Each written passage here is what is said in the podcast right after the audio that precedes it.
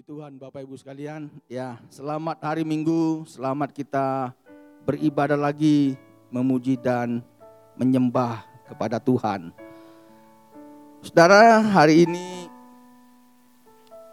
kita merenungkan satu topik firman Tuhan tentang Tuhan di mana engkau? Judul firman Tuhan pada pagi hari ini sebelum kita menikmati perjamuan kudus. God, where are you? Bukankah ini teriakan kita saudara? Tuhan, di mana engkau? Kalau semuanya ada lagi jalan lancar, mudah sekali. Tapi bagaimana kalau tidak seperti yang kita harapkan saudara. Nah saudara sekalian, God, where are you? Kita akan mencoba mengekspos dalam Mazmur pasal 73 ya. Kita coba angkat ke permukaan beberapa ayat lalu kita akan coba mengaplikasikannya dalam kehidupan kita. Tapi sebelum kita mengupas membahas Mazmur 73 itu, saya dahului dengan satu ayat dalam Mazmur eh, dalam Ayub 23 ayat 8 dan 9. Berkata demikian. Sesungguhnya kalau aku berjalan ke timur ia tidak ada di sana. Jelas Saudara. Kalau aku ke barat tidak ku dapati dia. Aku pergi ke utara, ku cari dia. Ia tidak tampak. Aku berpaling ke selatan. Aku tidak melihat dia. Saudara lihat betapa kontras kalimat Ayub dengan kalimat yang pernah diucapkan oleh pemazmur dalam Mazmur pasal 139 sekilas kelihatannya kontradiksi tapi bukan itu Saudara. Kalau Ayub dia berkata, aku berjalan ke timur, dia tidak di sana, aku ke barat, tidak aku dapati dia. Dia tidak tampak ketika aku ke utara. Waktu aku ke selatan, aku tidak melihat dia. Itu sebabnya dari ayat ini dan dalam Mazmur 73 nanti kita mengambil tema God. Tuhan, di mana engkau? Saya sudah ke selatan, saya sudah ke timur, saya sudah ke barat, saya sudah ke utara. Tuhan engkau tidak tampak. Bagaimana dengan firman Tuhan ini? Di dalam Mazmur pasal 139 Ini sebuah jeritan hati dari pemazmur. Dia berkata, ke mana aku dapat pergi menjauhi rohmu? Ke mana aku dapat lari dari hadapanmu? Jika aku mendaki ke langit, engkau di sana. Jika aku menaruh tempat tidurku di dunia orang mati, di situ pun engkau. Sekilas kontras antara ayat di dalam Ayub yang baru kita baca dengan kitab Mazmur. Kalau saudara lihat simak ayat ini, ayat itu bukan saja bicara soal kemaha hadiran Allah Ayat ini bukan hanya bicara tentang Allah yang melampaui ruang dan waktu. Tapi ayat itu bicara bahwa Allah tidak akan pernah membiarkan satu jengkal bagian hidup kita lalu begitu saja. Kalau sudah lihat ayat itu. Tuhan aman memperhatikan kita. Tuhan memelihara kita, dan seterusnya. Namun saudara, apa yang terjadi ketika ini perlu menjadi perenungan kita. Pemahaman kita tentang Tuhan ternyata berbenturan. Berbenturan dengan fakta, realita yang kita hadapi. Kita pun bertanya, Tuhan, di mana engkau? Nah saudara, teriakan Ayub begitu memilukan, begitu mengiris hati. Saudara, saya nggak bicara panjang lebar tentang Ayub, tapi dari seorang bisnismen yang kaya raya, yang sukses, tapi ambruk dalam seketika. Belum kita bicara anak-anaknya, belum kita bicara harta benda, belum kita bicara istrinya yang menyuruh Ayub untuk mengutuki Allah. Bapak Ibu sekalian, coba renungkan ini dulu. Saya kira dalam ruangan ini kita sepakat Allah kita Allah yang maha hadir. Kita sepakat bahwa Allah kita Allah yang baik. Allah yang peduli. Tapi mengapa ratusan orang bisa punya reaksi berbeda terhadap Allah yang baik? Coba renungkan ini dulu. Anda dan saya percaya Tuhan baik, Tuhan peduli, Tuhan care. Ke mana aku bisa menjauhi romu? Bahkan aku mendaki ke langit pun, engkau ada di sana. Kita tahu konsep itu. Tapi dalam fakta realita kehidupan, responnya beda-beda tuh. Bisa jadi marah sama Tuhan kan? Padahal tahu konsep. Saya percaya Berapa orang? Semua di sini akan dengan gegap gempita dengan satu hati. Yes, Tuhan baik, pasti. Tapi pertanyaan saya, ketika berbenturan dengan kehidupan ini, kita responnya beda. Reaksinya beda. Saya kira ini harus menjadi perenungan. Seperti Ayub, dia orang yang saleh, kredit poinnya banyak, takut sama Tuhan. Wah luar biasa. Tapi dia berkata, aku ke utara, aku ke barat, aku ke selatan. Tidak tanpa Tuhan. Di mana Tuhan? Nah saudara perhatikan. Pergumulan Ayub itu bertambah dalam pada waktu melewati hari demi hari. Apa yang dia mengerti? Apa yang dia tahu tentang Tuhan begitu berbeda dengan pengalaman ketika dia menjalani imannya. Sebenarnya saudara, tidak ada yang berubah dari pengenalan dan pemahaman itu. Seperti Asaf, dia pernah berkata demikian. Kita mulai masuk. Asaf berkata, sesungguhnya Allah itu baik Allah itu baik bagi mereka yang tulus hatinya, bagi mereka yang bersih hatinya. Sesungguhnya, truly, iya, amin. Sesungguhnya Tuhan itu baik. Tapi lagi-lagi, reaksi kita bisa berbeda-beda. Kita akan coba dan salah satu reaksinya adalah, God, di mana engkau? Bapak Ibu sekalian, perhatikan dulu statement ini. Bahwa kebaikan Allah tak pernah berubah.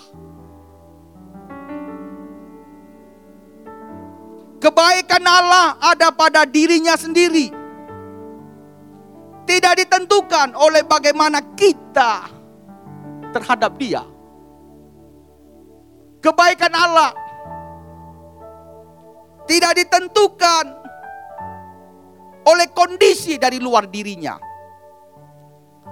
Allah itu baik dan itu pemahaman dan pengertian dan dasar iman yang tidak pernah berubah.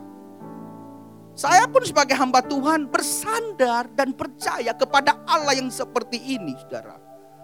Bahwa Allah sangat baik. Oh iya, kita harus berlaku tulus, itu harus.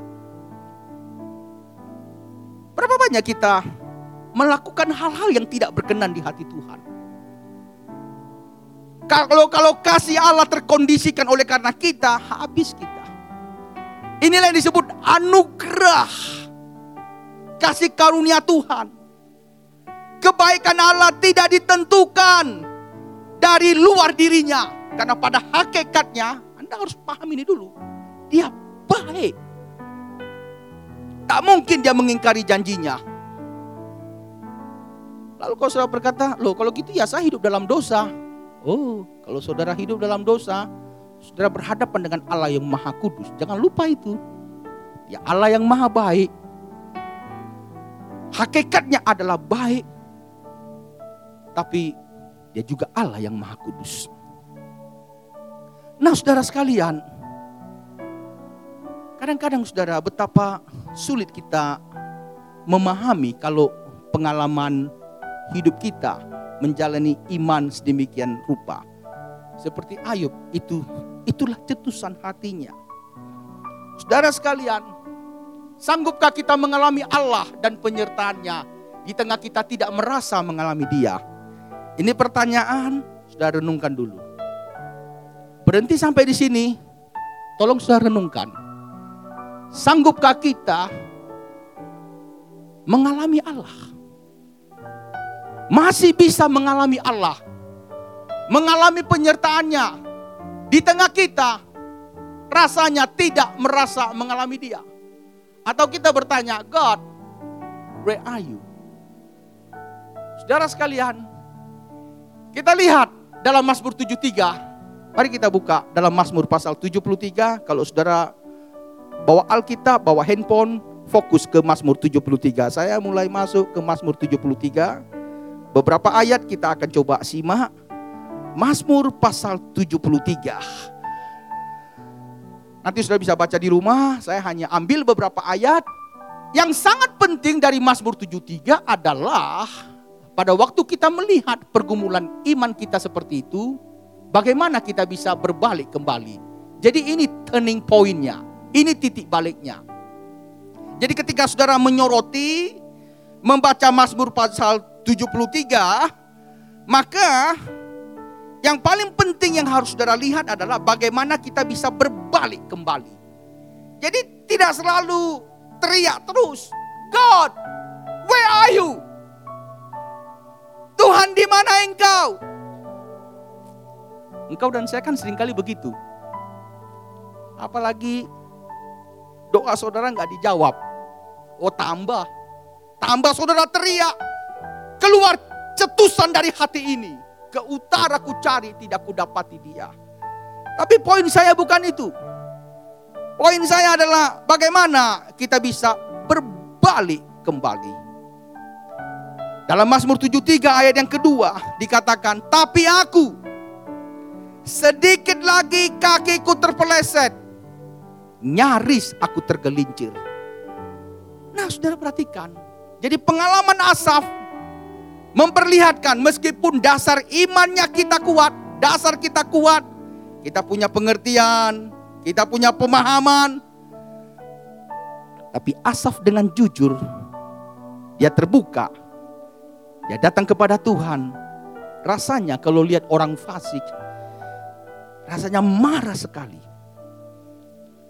Saudara sekalian, kalau di hadapan kita Sudah lihat dengan mata kepala sendiri ketidakadilan. Mungkin engkau berteriak, Tuhan gak adil. Kalau sudah lihat orang fasik, gemuk dan diberkati. Saudara mungkin juga berteriak, di mana Tuhan? Maunya kalau boleh, dihukum aja.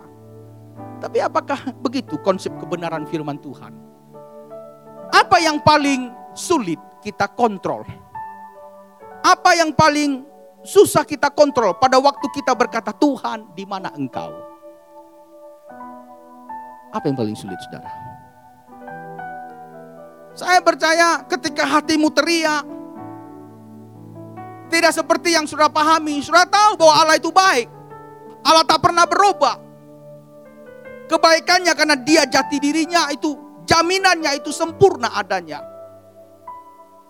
Makanya saudara saya pernah katakan, kalau saudara dan saya diberkati itu karena jaminan pemeliharaannya yang selalu mempedulikan hidup kita. Tapi tentu kita nggak boleh tertidur dengan segala anugerah dari Tuhan. Tuhan mau mengajar kepada kita hari ini. Ketika kita berteriak, Tuhan di mana engkau? Apa yang paling sulit kita kontrol? Ini saudara. Inilah yang paling sulit kita kontrol. Ketika saudara berteriak, Tuhan di mana engkau? Apa itu? Emosi kita, perasaan hati, pikiran kita. Jadi ini bukan ucapan, sekedar ucapan. Tapi ini adalah sebuah teriakan. Teriakan dari emosi yang paling dalam. Teriakan dari hati. Tuhan di mana engkau? Kita pun sulit kontrol emosi kita. Kita sulit kontrol hati kita. Kita sulit kontrol pikiran kita. Jadi poinnya jelas. Salah satu indikator orang yang selalu berteriak Tuhan di mana engkau? Karena sulit mengontrol hatinya. Sulit mengontrol emosinya. Sulit mengontrol pikirannya.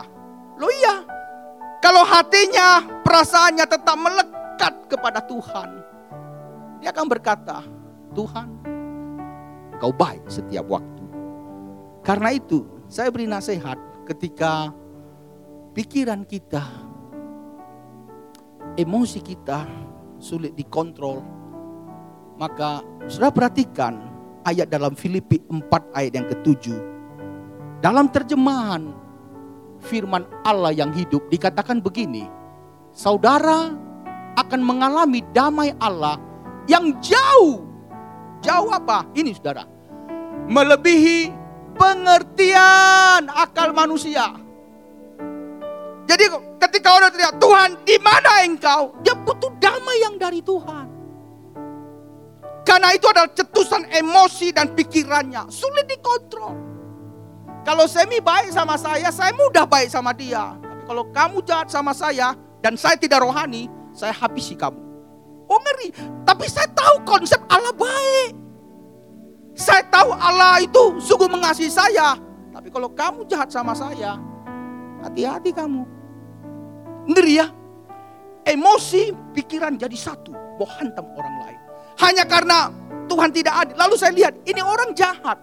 Sorry saya Ini orang fasik. Diberkati. Makin gregetan saya. Saya tahu bahwa Tuhan itu baik.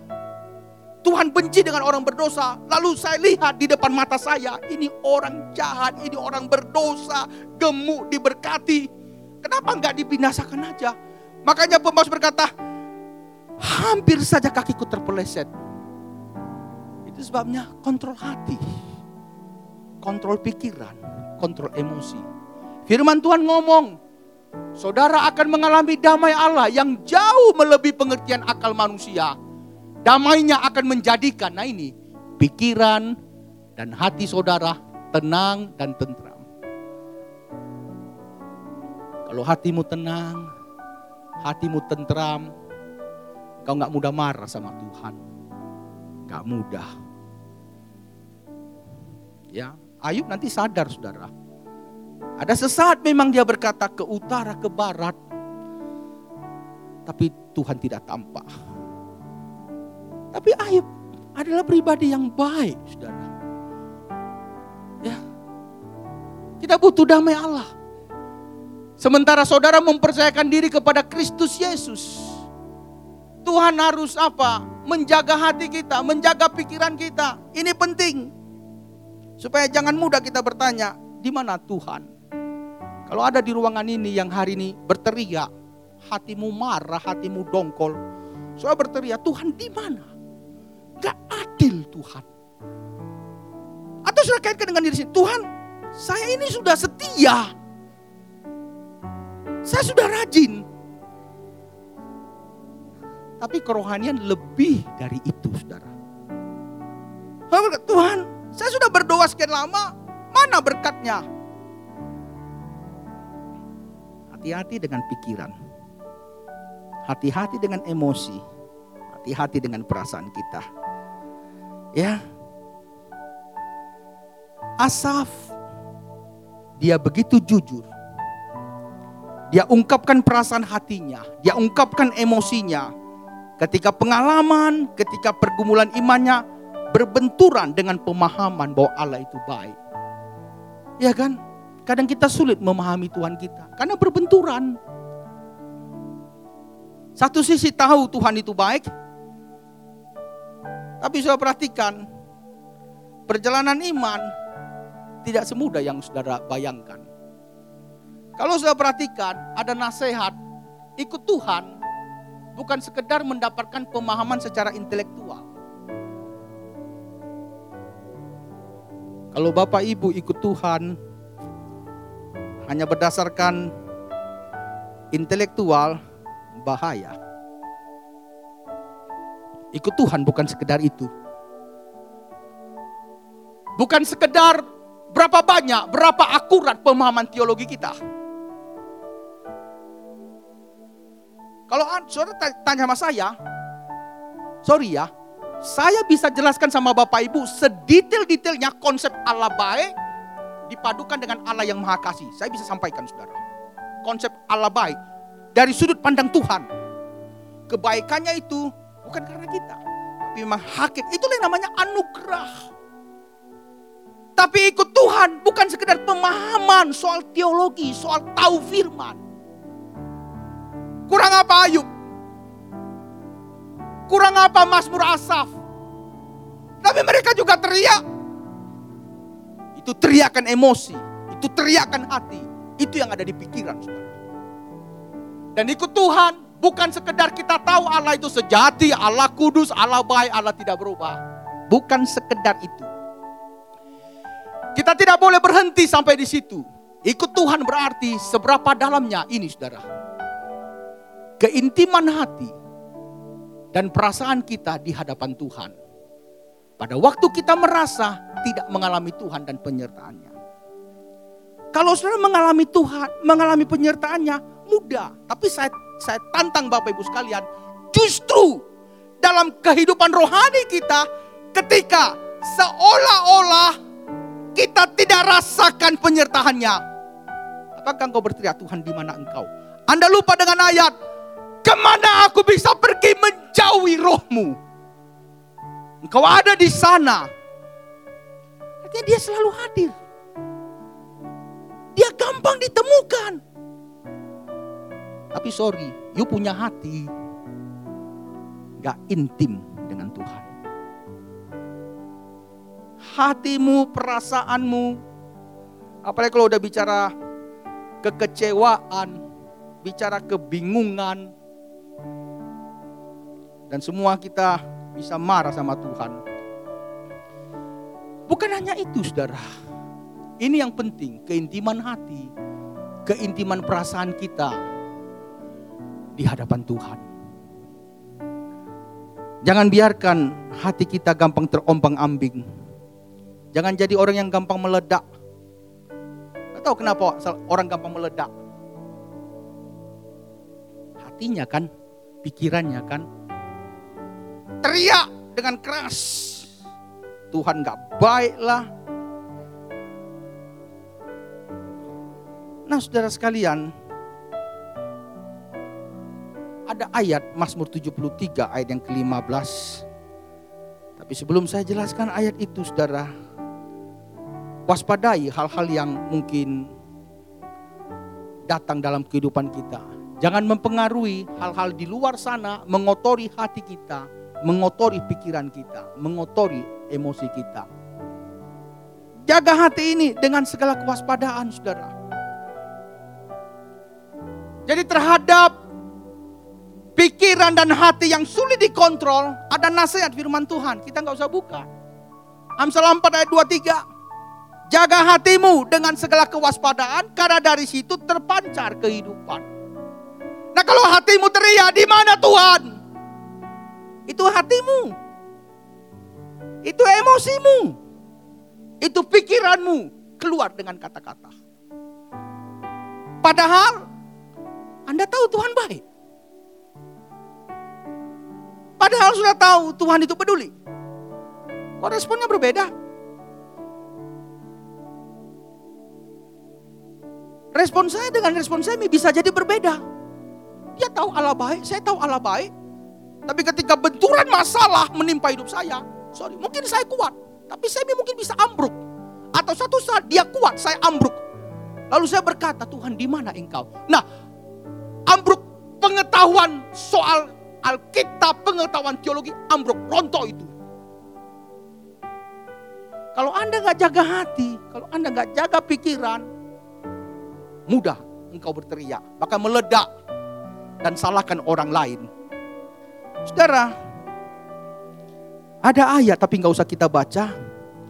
Yesus pernah berkata, karena dari hati timbul segala pikiran jahat. Nah lu, Yesus yang ngomong, dari dalam hati, dalam Matius 15 itu, karena dari hati, apa yang keluar dari mulut berasal dari hati.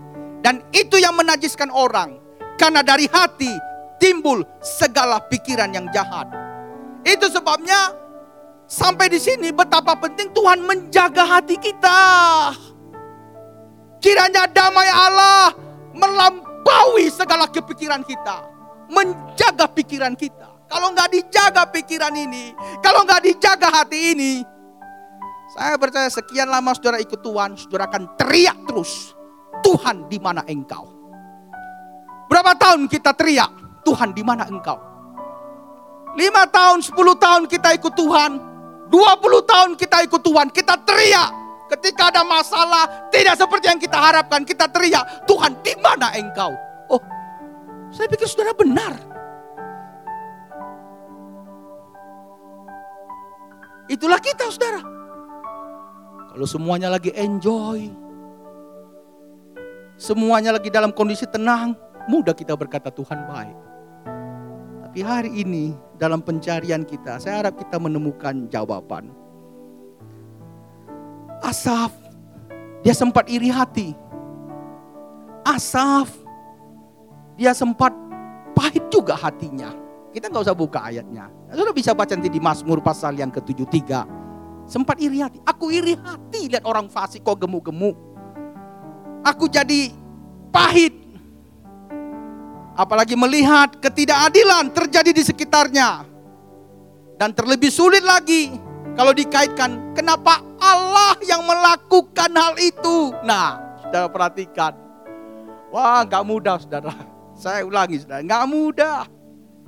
Iri hati pahit dan Asaf melihat ketidakadilan terjadi di sekitarnya. Dan tambah sulit lagi, kenapa Allah melakukan hal itu? Dia pikir begitu.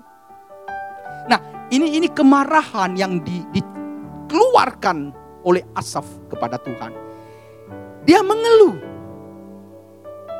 Sia-sia sama sekali aku mempertahankan hati yang bersih.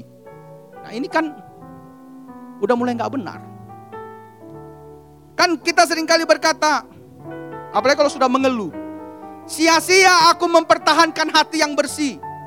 Sia-sia aku membasuh tanganku pada masa itu, saudara. Makanya saya katakan tadi, ikut Tuhan itu adalah keintiman. Bagaimana hati dan perasaan kita di dalam Tuhan. Saya tambahkan lagi, kalau saudara baca Mazmur, bahaya saudara ya. Kalau hati pikiran nggak dijaga ini akibatnya. Seandainya, seandainya, untung baru seandainya terjemahan kita. Karena dari hati pikiran kan akan tercetus. Dan seandainya aku berkata, aku mau berkata-kata seperti itu. Maka sesungguhnya aku telah berkhianat kepada angkatan anak-anakmu. Saya jelaskan ini. Aku telah berkhianat kepada angkatan anak-anakmu. Bapak Ibu sekalian, kita merasa di tengah kesulitan ini yang tidak kunjung berhenti, Tuhan tidak jawab, dan salah satu yang sering kita ucapkan, dan ini di lapangan. Di lapangan sering terdengar kalimat begini, ini survei di lapangan. Buat apa semua itu? Buat apa semua itu? Buat apa ke gereja? Buat apa melayani? Buat apa semuanya itu? Capek. Toh juga dia diberkati. Gak adil. Tuhan di mana engkau? Buat apa semuanya itu? Hati-hati dengan kalimat kita, saudara.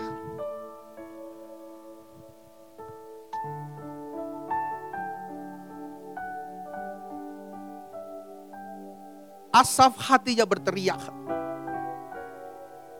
Sia-sia aku mempertahankan hidup jujur. Hidup lurus. Sia-sia. Saya tambahkan, untuk apa saya ke gereja? Buat apa saya ke gereja? Itu kan yang sering terdengar. Buat apa aku berbakti kepada Tuhan? Pada waktu itu hampir saja keluar dari mulutnya. Saya bersyukur Seandainya artinya dia masih bisa kontrol. Kalau enggak, kalau ini enggak dikontrol, ini sangat berbahaya.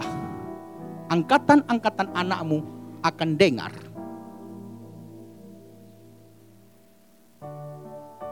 Kalau kita pelayan-pelayan dengan pelayan mimbar lah misalnya ada Jento Theo. Lalu tiba-tiba saya lah yang ngomong sama Theo. Buat apa semuanya Theo? Percuma. Untuk apa kita melayani? Saya ngomong, didengar sama Ben sama Nes. Saya mengkhianati. Karena ini. Dimulai dengan God, where are you? Jadi racun omongan kita saudara. Mungkin saya nggak ada niat, kami ngomong sharing. Tapi saya ngomong, untuk apa semuanya? Percuma saya jujur. Jen, percuma saya melayani Tuhan. Untuk apa? Gak dapat apa-apa. Tuhan juga gak adil. Lalu didengar oleh generasi berikutnya. Didengar sama anak cucu kita. Jadi racun omongan saya. Jadi racun omongan kita sebagai pelayan. Mengerikan kan? Apa yang sulit kita kontrol? Ini. Hati, emosi, pikiran. Seandainya kata pemazmur, Aku mau berkata-kata seperti itu. Untuk apa semuanya itu? Untuk apa gereja? Untuk apa melayani? Aku telah berkhianat kepada angkatan anak-anakmu. Ngeri loh saudara. Oh saudara sekalian. Jangan gampang keluarkan kalimat-kalimat yang tidak membangun. Ada nasihat firman Tuhan yang saudara harus pegang. Yakobus 1 ayat 19 dan 20 mengingatkan kita. Hai saudara-saudara yang kukasihi, ingatlah hal ini setiap orang hendaklah cepat untuk mendengar. Lambat untuk berkata-kata, lambat untuk marah. Kita kan mudah marah sama Tuhan. Karena keadaan kita marah. Jemaat, saya ingatkan hati-hati you punya ini. Kalau enggak, generasi berikutnya makin rusak. Lalu selalu berkata, kok rusak generasi ini? Karena ini kita gak jaga. Buat apa semuanya itu? Lalu didengar oleh anak-anak cucu kita. Nah anak cucu kita pun ketika masalah datang, untuk apa semuanya itu? Kita berkhianat, kita merusak generasi ini. Hanya karena kita Rasanya Tuhan di mana engkau? Amat berbahaya saudara. Yakobus menasehati. Sebab amarah manusia tidak mengerjakan kebenaran di hadapan Allah. Gak ada yang benar saudara. Belajar lambat saudara mengeluarkan keluhan atas kesulitanmu. Harus lambat mencetuskan ketidaksenanganmu. Kalau mungkin kamu nggak senang dengan seseorang, belajar. Jangan gampang mencetuskan ketidaksenanganmu. Jangan berkata, ya saya orangnya begini. Saya kan pernah sampaikan, ya baik buatmu, tapi dia sudah terluka. Oleh karena ini kan, kita nggak bisa tarik. Saudara bilang, just kidding. Saya cuma guyon, guyon buatmu, tidak guyon untuk dia. Nah, ngeri kan? Saya pernah sampaikan itu saudara. Ya. Jadi hari ini kita diingatkan, kalau Bapak Ibu ada hal yang mungkin rasanya nggak senang, jangan gampang dicetuskan. Ada seni dalam kita berkomunikasi, ada seni bagaimana kita kontrol. Itu sebagai tadi katakan, biar damai Allah itu turun di hatimu. Kalau saudara biarkan sampah, sampah, kotoran-kotoran dunia masuk dalam hati dan jiwamu, engkau gampang teriak, God, where are you? Bapak Ibu sekalian, jaga ya. Dan beberapa hal yang terakhir sebelum kita perjamuan kudus. Nah, kita bersyukur saudara, puji Tuhan ya. Pertanyaan God, where are you? Ini bukan pertanyaan tanpa jawaban. Bukanlah pertanyaan tanpa jawaban. Titik balik, turning point dalam pergumulan asap terjadi di hadirat Tuhan. Saudara bisa baca nanti Mazmur 73 ayat 17. Sampai aku masuk ke dalam tempat kudus Allah. Ya sadar saudara. Tapi titik balik itu terjadi di sana. Tapi titik akhir pun ada di sana. Kalau saudara memulai perjalanan rohani, titik awal dalam hadirat Tuhan, titik akhir juga pun ada di sana. 73 ayat 28, aku suka dekat dengan Allah. Dia ngerti. Pertanyaan bodoh kalau saya berkata, Tuhan di mana engkau? Tapi Tuhan baik. Karena kebaikannya tidak berasal dari luar dari dirinya.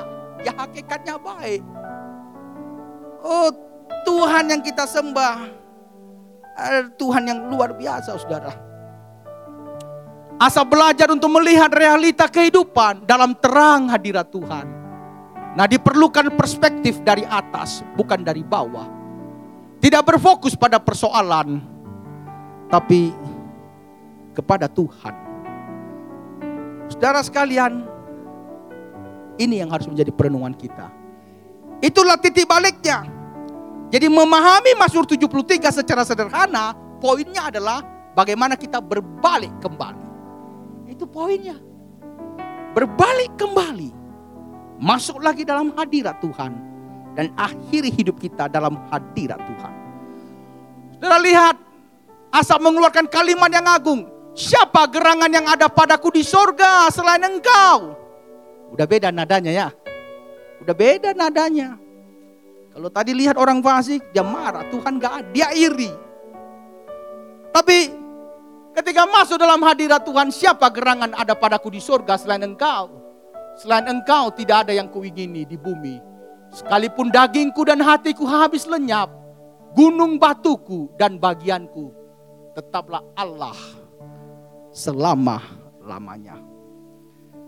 Saudara, indah sekali. Asaf tidak lari dari Tuhan. Tapi justru dia datang melekat, mendekat kepada Tuhan. Ada perubahan total terjadi dalam dirinya. Gampang sih jawabannya. Kalau Anda mau berubah total, seringlah masuk dalam hadirat Tuhan. Habiskan hidup kita dalam hadirat Tuhan. Jangan pernah lupa ayat, lebih baik satu hari di rumah Tuhan daripada seribu hari di rumah orang lain. Sekarang, di mana perubahan hidupnya? Sekarang kita balik ya pertanyaannya. Ini saudara. Kita balik. Kita balik. Tadi asap teriak. Tuhan gak adil. Aku iri hati. Aku cemburu. Lihat dia diberkati. Tapi sekarang kita balik. Apakah Asaf akan puas kalau Tuhan balik itu semua. Membuat dia memiliki kemakmuran yang sama seperti mereka. Renungkan pertanyaan ini. Kalau Tuhan balik, asapkan dia ngomong, Tuhan di mana engkau? Dia diberkati. Orang fasik. Nah sekarang, kalau kita boleh balik, menurut saudara, kalau Asaf diberkati, katakanlah ya, wah, dia orang fasik dan diberkati. Menurut saudara, kira-kira Asap mau enggak? Saya percaya anak Tuhan yang rohani tidak akan mau. Habitnya adalah rohani, habitnya bukan kotoran saudara. Saya sangat percaya Asap tidak akan mau. Dia tidak mau menjadi hal yang dia minta. Enggak. Kalau Tuhan dari surga, oke okay, Asaf. Sekarang saya balik ya, saya balik. Kamu diberkati, kamu tak jadikan orang fasik. Lalu kamu diberkati. Saya percaya Asaf tidak mau. Berarti kan gugur. Rontok itu. Jadi Tuhan kita ini hebat saudara. Dalam membalikkan rohani kita. Titik baliknya itu penting sekali saudara. Mari kita berhasrat akan Tuhan. Lebih daripada apa yang ia beri kepada kita. Mari kita berhasrat akan Tuhan. Lebih daripada segala-galanya. Mari kita menginginkan Tuhan. Lebih daripada pemberiannya untuk kita perlukan bagi hidup kita. Inilah yang Tuhan cari. Sampai aku masuk ke dalam bait kudusmu. Saya akhiri dengan ini. Kemudian bisa disiapkan satu klip video. Ya, disiapkan dulu. God never change. Tuhan yang seperti apa? Sekarang kita berkata, God, where are you? Tuhan yang seperti apa? Kita coba renungkan. Dia Tuhan yang baik. Saya bukan mengajar saudara tertidur dengan bahwa Tuhan itu baik. Enggak, saya enggak. Saya hanya mau saudara harus benar tahu konsep Tuhan. Tuhan yang kamu pertanyakan di mana engkau? Tuhan yang baik. Tuhan yang agung. Mulia. Berdaulat. Dan tidak pernah meninggalkan kita. Sanggupkah engkau dan saya mengalami Tuhan pada waktu kita merasa Tuhan tidak hadir dan tidak menyertai kita? Ini pertanyaan aplikatif di rumah saya harap sudah bisa sharing lagi. Saya ulangi, saya ulangi. Sanggupkah engkau dan saya mengalami Tuhan? Pada waktu kita merasa Tuhan tidak hadir. Tuhan tidak menyertai. Masihkah bisa mengalami Tuhan? Renungkan pertanyaan ini, sharing. Kalau sudah berkata, sulit temukan jalan keluarnya. Saya sudah memberikan clue tadi. Paling tidak hari ini kita fokus pada hati dan pikiran kita ini. Ya. Tuhan tolong, Tuhan berkati kita semuanya.